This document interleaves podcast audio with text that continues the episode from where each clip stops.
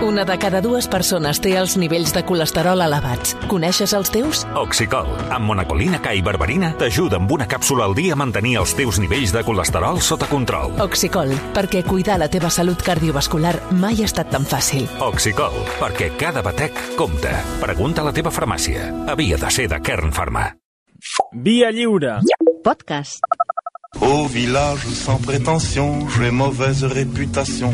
Je me démène ou que je reste quoi, je passe pour un je ne sais quoi. Com esteu, Santi? Com, est com estàs, Malcolm? Què tal? Bon dia. Molt bé. Sí? Sí. No, no ha engegat el martell pneumàtic l'estona que heu estat abans? Començava ara. Ara començava una altra vegada? Bueno, a veure és si... curiós com engega un martell pneumàtic. Per què? Perquè és com tirar una corda, és com allò, com un... Ah, Com, la, els, els, sí, com els de- motors d'abans, aquells Fora de de- borda, sí, sí, sí. A la fora borda, de- d'agafar una corda i... Ras! El tio tenia un braç que semblava... Una cama. Una cama. Bé, avui ja he vist eh, queixes al voltant de, del personatge de què voleu parlar a través de les xarxes socials. Sí, sí. I sobretot Patricia Escalona, que és la nostra feminista de capçalera, està emprenyada, no sabem per què, però bueno, ja ho arreglarem. Ja, sí, o no. Però de Lord Byron? Sí, però perquè... És... A veure, Lord Byron és un... És un execrable d'aquests que, que ens agrada. Vull dir, és d'aquests que fem amb una mica de dir, vai, O sigui, que us sap greu. Una miqueta. Fer-li la, el carnet. Sí, sí, sí. Perquè, perquè realment... Però, clar, la setmana passada vam parlar de filosofia, vam parlar de Schopenhauer, no? Sí. I, I va aparèixer pel mig a Lord Byron. Mm -hmm. I, I ells van dir, ostres, a veure, anem a, a, a explicar. I clar, veient van veure que quan Xopi, com diu el Lu Martín, estava a Venècia... Li diu Xopi? Sí, home, jo crec que tothom li deia Xopi. Estava a Venècia amb un dels seus ligues i es va creuar amb Lord Byron. I explica el propi filòsof, eh, eh, va dir, cometes, es creu amb Lord Byron i diu va llançar una mirada penetrant i voluptuosa a Alina. I el visible efecte d'aquesta mirada va fer en la meva amiga em va fer comprendre que la traïció ja estava potencialment assegurada, només mirant-la, eh?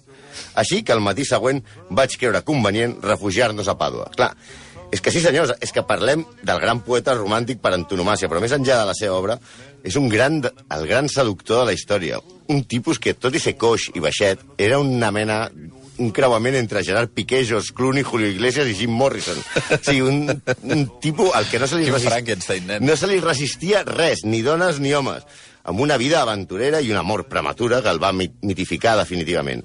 No obstant, també era una persona amb evidents problemes mentals, amb un caràcter insuportable, exhibicionista, cruel, excèntric, polèmic, ostentós, àcid, fatxenda i fascinant. Li donem el carnet d'execrable a George Gordon Byron, sisè baró de Byron, conegut a tot el món com Lord Byron. Aquest canvi de música... Perdona, però això què és ara? No, que... Bieber. Justin Bieber? Justin Bieber. Ah, Per què té a veure Justin Bieber amb Lord Byron? perquè potser pels de l'ESO es pensen que el fenomen Escolta, fem fan... una cosa. Escolteu què fa l'Albert Beorlegui a les 7 del matí, que és una persona digna, a, a, a quarts de 8 a, a, als diumenges, que posa música clàssica, que, que, que, és, que és una persona ordenada. Vosaltres, Justin Bieber, per, per parlar de Lord No és Byron. dolent, Justin Bieber, eh? no sé què teniu en contra de Justin Primer que Bieber, és una eh? qüestió d'equilibri, perquè si no, si no seria tot bo, maco i ens han posat coses La, la, la, esteu prejutjant a Justin Bieber. No, res, res, jo no, he- no he dit res. No, però per què posem Justin Bieber? Perquè potser els de l'ESO es pensen que el fenomen fan és una cosa actual, que ha començat en Justin Bieber i els Believers aquests. Doncs no, és una cosa molt més antiga. Ja podeu preguntar als vostres pares per Miguel Bosé, Los Pecos, Liv Garrett, però és que és molt abans. Entre els segles XVIII i XIX, Lord Byron va inaugurar el fenomen fan. O sigui, si hi haguessin carpetes i fotos, eh, Lord clar, Byron hagués anat a les carpetes. Absolutament. Sí? Era, és la primera gran estrella mundial, un fenomen social sense precedents. Realment és el primer, el, el, el, el primer personatge que, que, té, que té fans, una rockstar. La seva única i mm, desitjada esposa va tenir Otoe amants, eh? Però eh, només es va casar una vegada amb Anna Isabela Noel. Suposem que el seu pare li deia Papà Noel. Clar. Oh. va inventar-se, la seva dona es va inventar la paraula Byronmania per definir l'efecte que causava Byron a la societat. Ell mateix va escriure que un dia, al matí, em vaig llevar del llit i ja era famós. Era una rockstar que causava aglomeracions tumultuàries per allà on Ai, anava. ai, ai. La personalitat li venia de família, una pandilla de gent amb greus problemes, a la qual els psiquiatres, perquè a Byron l'han estudiat tant psiquiatres com estudiants de literatura, han diagnosticat a posteriori tots els problemes de l'AUCA, de l'AUCA. d'esquizofrènies vàries a depressions, passant per bipolaritats. A veure, la, la cosa és que li venia de família. Si ja tenim en compte que el pare George Byron ja li deien Mad Jack, el boig Jack, Al seu avi li deien John Folkweather, John Maltemps, i el seu tiet avi, De Villian, el villà, un senyor no sé per què li deien el villà, un senyor que va intentar assassinar la seva esposa tirant-la un llac amb una discussió domèstica. Molt bé. On has posat els mitjons? No ho sé, pum. A l'aigua. A l'aigua. Doncs ja veieu que la cosa promet. Més que una reunió familiar, els sopars de Nadal devien ser com una reunió dels dolents de la patrulla X. Ah, aquí llega Matt Jack, ara viene Fall Weather, ara viene Tormenta, i ara viene, i ara viene eh, Magneto. Un esmorzar... Sí, més o menys com el Sánchez Vicario. Per, per acabar-ho d'adobar, era una família amb clares tendències suïcides. El pare de George, Matt Jack, es va suïcidar quan el fill tenia 3 anys. Es va matar a França, on havia fugit dels deutes i del terrible, del terrible temperament de la seva dona, la mare de George, que es veu que també era perellugar i cadires. El pare li va deixar en herència molts deutes, un, ex un exemple de vida envoltat de brandy, de mans i una frase que denota l'amor d'un pare pel seu fill.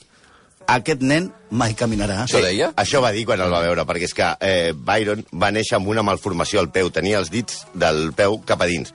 segons, que, segons el propi Byron... Doblegat, vols dir? Sí, sí, com- era, era guerrer, sí.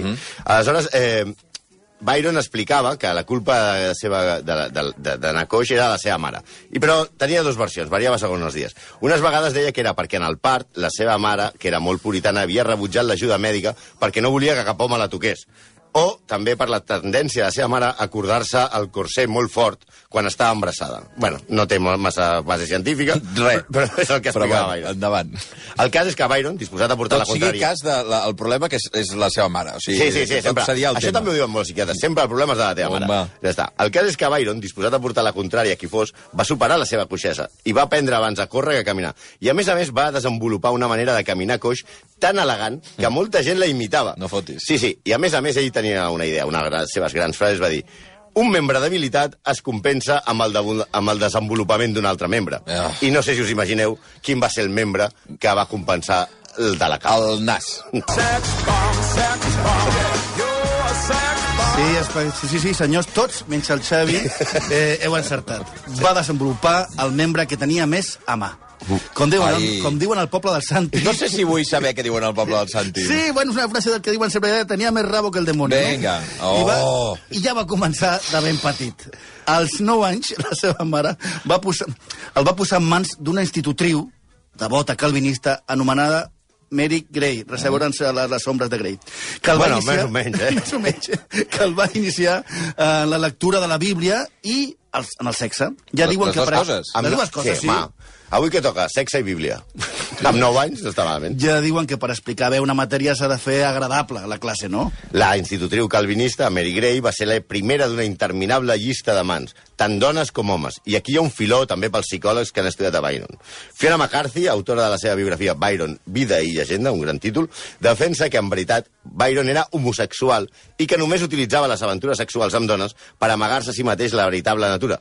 Miri, escolti, pot ser, però el cert és que va dedicar a amagar-se la seva veritable natura amb una gran dedicació, eh? O sigui, la va amagar molt bé, molt bé, molt bé.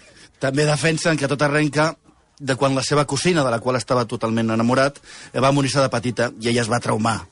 Va anar a la universitat, on es va llitar amb tots els companys que va poder, però el que més destaca del seu període a Cambridge és la seva obsessió per construir el personatge excèntric que el va caracteritzar al llarg de la seva vida. Mira, per exemple, a les normes de la Universitat de Cambridge es prohibia que a la residència dels estudiants específicament deien no es poden tenir gossos. Mm. I ell què va fer? Pues es va comprar un, moco, un mono. Va anar, un- anava, un mono? Anava amb un mico. Sí o no? Sí, sí, sí. sí. Ah, el mico, del mico... De, por mico no me viene nada. Sí, per tant, agafo això. Pels de l'EGB en aquest cas era com Marco i a medio. Sí, saps? Allò...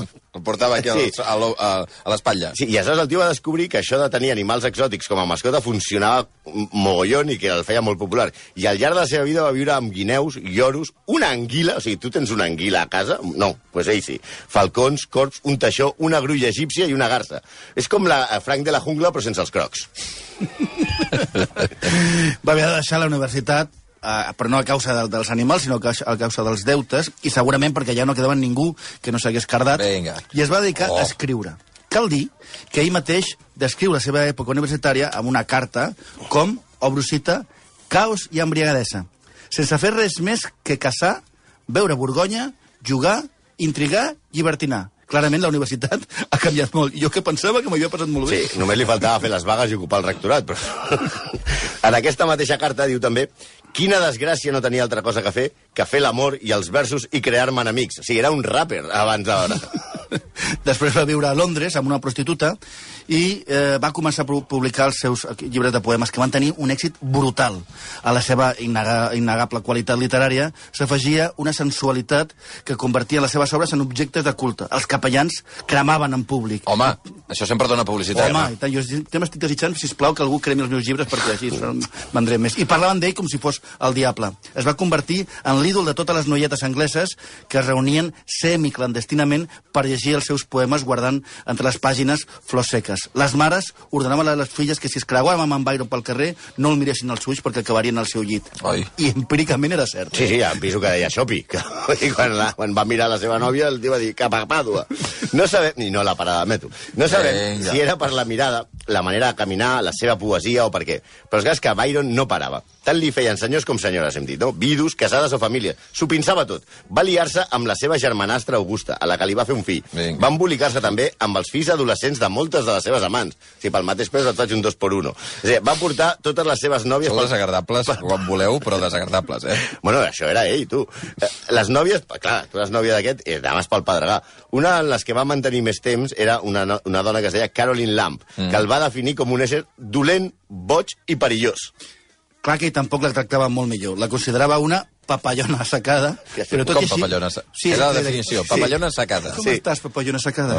I tot així, mantenint una relació de dependència malaltissa i autodestructiva. S'enganyaven, es deixaven, es feien mal, sobretot ella a ella, però al final ho arreglaven quan ella li enviava per carta un sobre en rínxols del seu pel públic.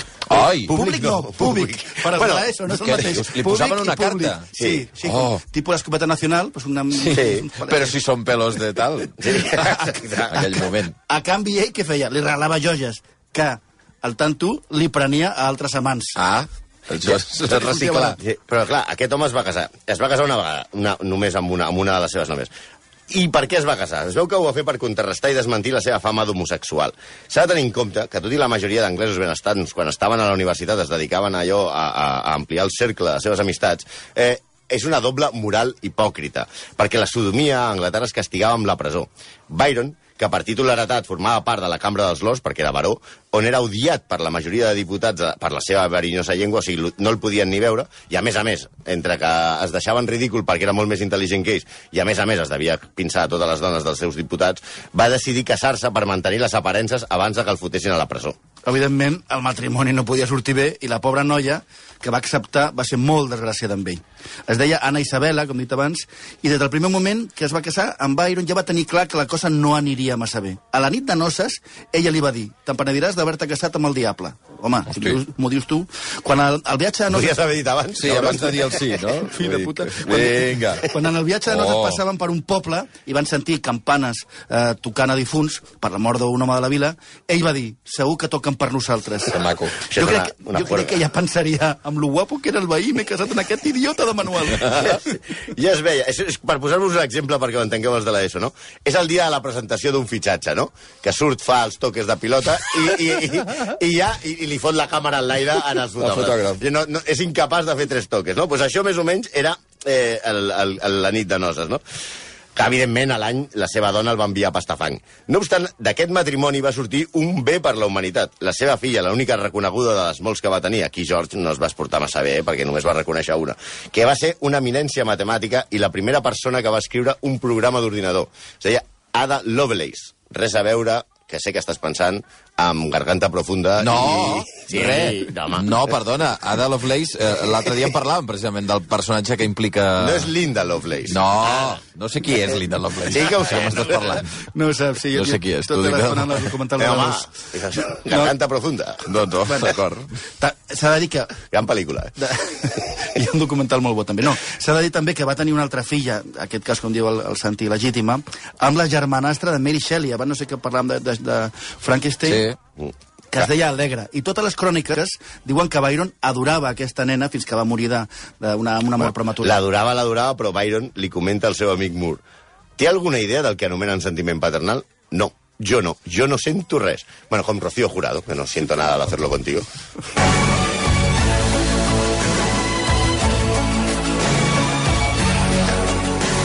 Això per il·lustrar el moment depressiu, Lord Byron, perquè, clar, m'heu dit que el deixa, el deixa la dona. Sí, el deixa, però aleshores se'n va a Itàlia. Sí, perquè ha abandonat per clar, va abandonar la seva dona, eh, les autoritats a punt d'engarjurar-lo per sodomia i havien, havia deixat, a més, embarassada la seva germanastra, mm. tot pintava malament, la veritat, i Byron què creu? Pues, amb certa intel·ligència que ha arribat el moment de fotre el camp d'Anglaterra i marxa de viatjar a Europa, per Europa. Va a Espanya, Turquia, Grècia, Albània, Bèlgica, on s'exilia a Waterloo, sona? Però... veritat, Waterloo era un centre turístic, perquè com havia passat sí. feia poc la batalla, els turistes anaven a fer turisme, turisme de, de batalla. Carai. Sí, i et venien sí, pues, una mica No hem, de sang. invent, no hem inventat res.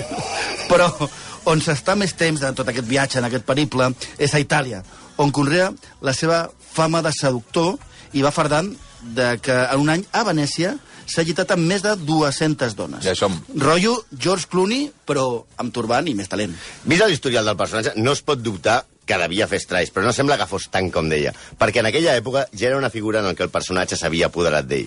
Tenia, a més a més, molts problemes de salut. Havia perdut part del seu encant a causa de la mala vida que portava. Tot i tenir només 30 anys, era un home a les portes de la bellesa. El seu aspecte, ell mateix reconeix que era lamentable. S'estava quedant calb, s'havia engreixat molt, i ell mateix es considerava físicament acabat. Per posar remei, Byron també va ser el primer, el, el precursor de les dietes miraculoses. Ah, sí? En, sí, en qüestió de mesos passava de ser un hipopòtam a primar-se a base de la dieta coneguda com no menjar res. Home. Sí, aleshores, ell pa- apareixia un mesos molt... O sigui, Robert De Niro, tro salvaje, i després Exacte. hi ha de Matthew McConaughey també, que acaben... Sí, noi? Que el veus i dius, hòstia, però aquest era el mateix de fa la pel·lícula anterior? Pues, ell ell s'aprimava i això, evidentment, no li anava bé per la salut. Tornant als psiquiatres, post-mortem, que són una, una especialitat molt estranya, molts consideren, perquè si li faltava alguna cosa, la, la criatura també patia desordres alimenticis. Sí, bingo.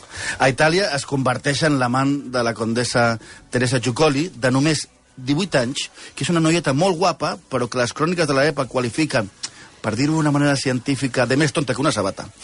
Teresa estava casada amb un home immensament ric i sense escrúpols, el comte Giucoli, de 60 anys, que va aplaudir aquesta relació de la seva esposa amb Byron perquè així li tre... se la treia de sobre, perquè no, que ja, ja hem dit que no era molt intel·ligent, i a més ut- utilitzava la immensa fama de Byron per fer negocis i conspirar políticament en una relació basada en tu m'és entretinguda a la dona i a canvi m'obres les portes dels salons més importants d'Europa. Sí, aquesta vida sedentària, assossegada, no satisfeia els esperit de Byron, que volia acció i aventura. I vam pensar, torno a Anglaterra per reincorporar-me a la vida política. Però els compatriotes seus no el volien ni veure ni en pintura. I mira que s'han fet retrats, perquè aquest home era el rei de l'Instagram i els selfies si l'hagués tingut. Perquè hi ha més de 40 quadres en el qual se'l retrata. Era un home tremendament narcisista, no? Per tal que no torni a Anglaterra, el govern l'anomena... Seria el rei d'Instagram. Ara, ara seria Byron. el rei... De... Sí, evidentment. Oh. Seria, seria el rei d'Instagram. O sigui, només es va fer 40 re- retrats pintats, que ara es fas en un moment, però Sí, sí, havies sí, de tenir sí. un tio ja pintat No, tota l'estona. una feinada de por. Clar, t'imagines, estàs al restaurant allà amb les gambes i el tio... I, i t'arriba el tio i Et vols fer la foto dels peus a la platja i t'ha de venir allà, tio vinga, 3 pintant, hores amb els peus allà. Vale. Aleshores, els seus, el- els seus companys a la Càmera dels Lords li diuen que no torni a Anglaterra, sisplau, com ho fem? I l'anomenen membre del Comitè de Londres per la independència de Grècia. I aleshores ell, que era un, era un, un apassionat de Grècia, marxa a alliberar el país del domini turc. Els grecs el reben com un heroi, és com si haguessin fitxat a Messi. O sigui, els tios aquests, o sigui, arribava... Per cert, pobre Messi. O sigui, Messi no va.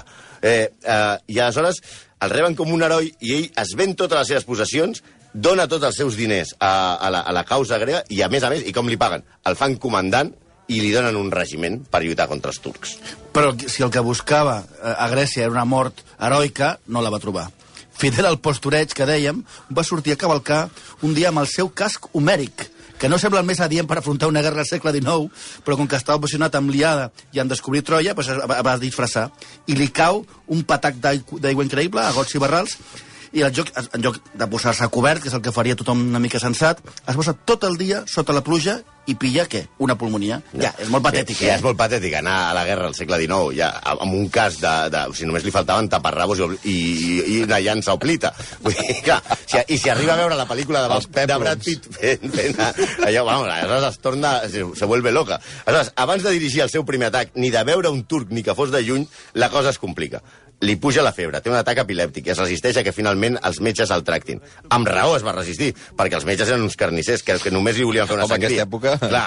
Vinga, es- a buidar sang, no? Vinga, a clar. treure sang. I al final decideix que, com es troba tan malament, que li facin la sangria. Li treuen dos litres de sang. Clar, a sí, evidentment, si et treuen, si estàs malalt, tens una pulmonia, estàs dèbil i tal, dos litres de sang fora és un Què millor. podia saps? sortir malament? Què podia sortir malament? Què? Pues res. Va morir nou dies després de, de, de caure malalt, amb una agonia terrible, entre la desesperació dels grecs, que a canvi van batejar un suburbi d'Atenes com a Virònia en honor seu. Ah, sí? Sí. El van enterrar a Atenes, però el 1938 el seu cos va ser traslladat a Anglaterra.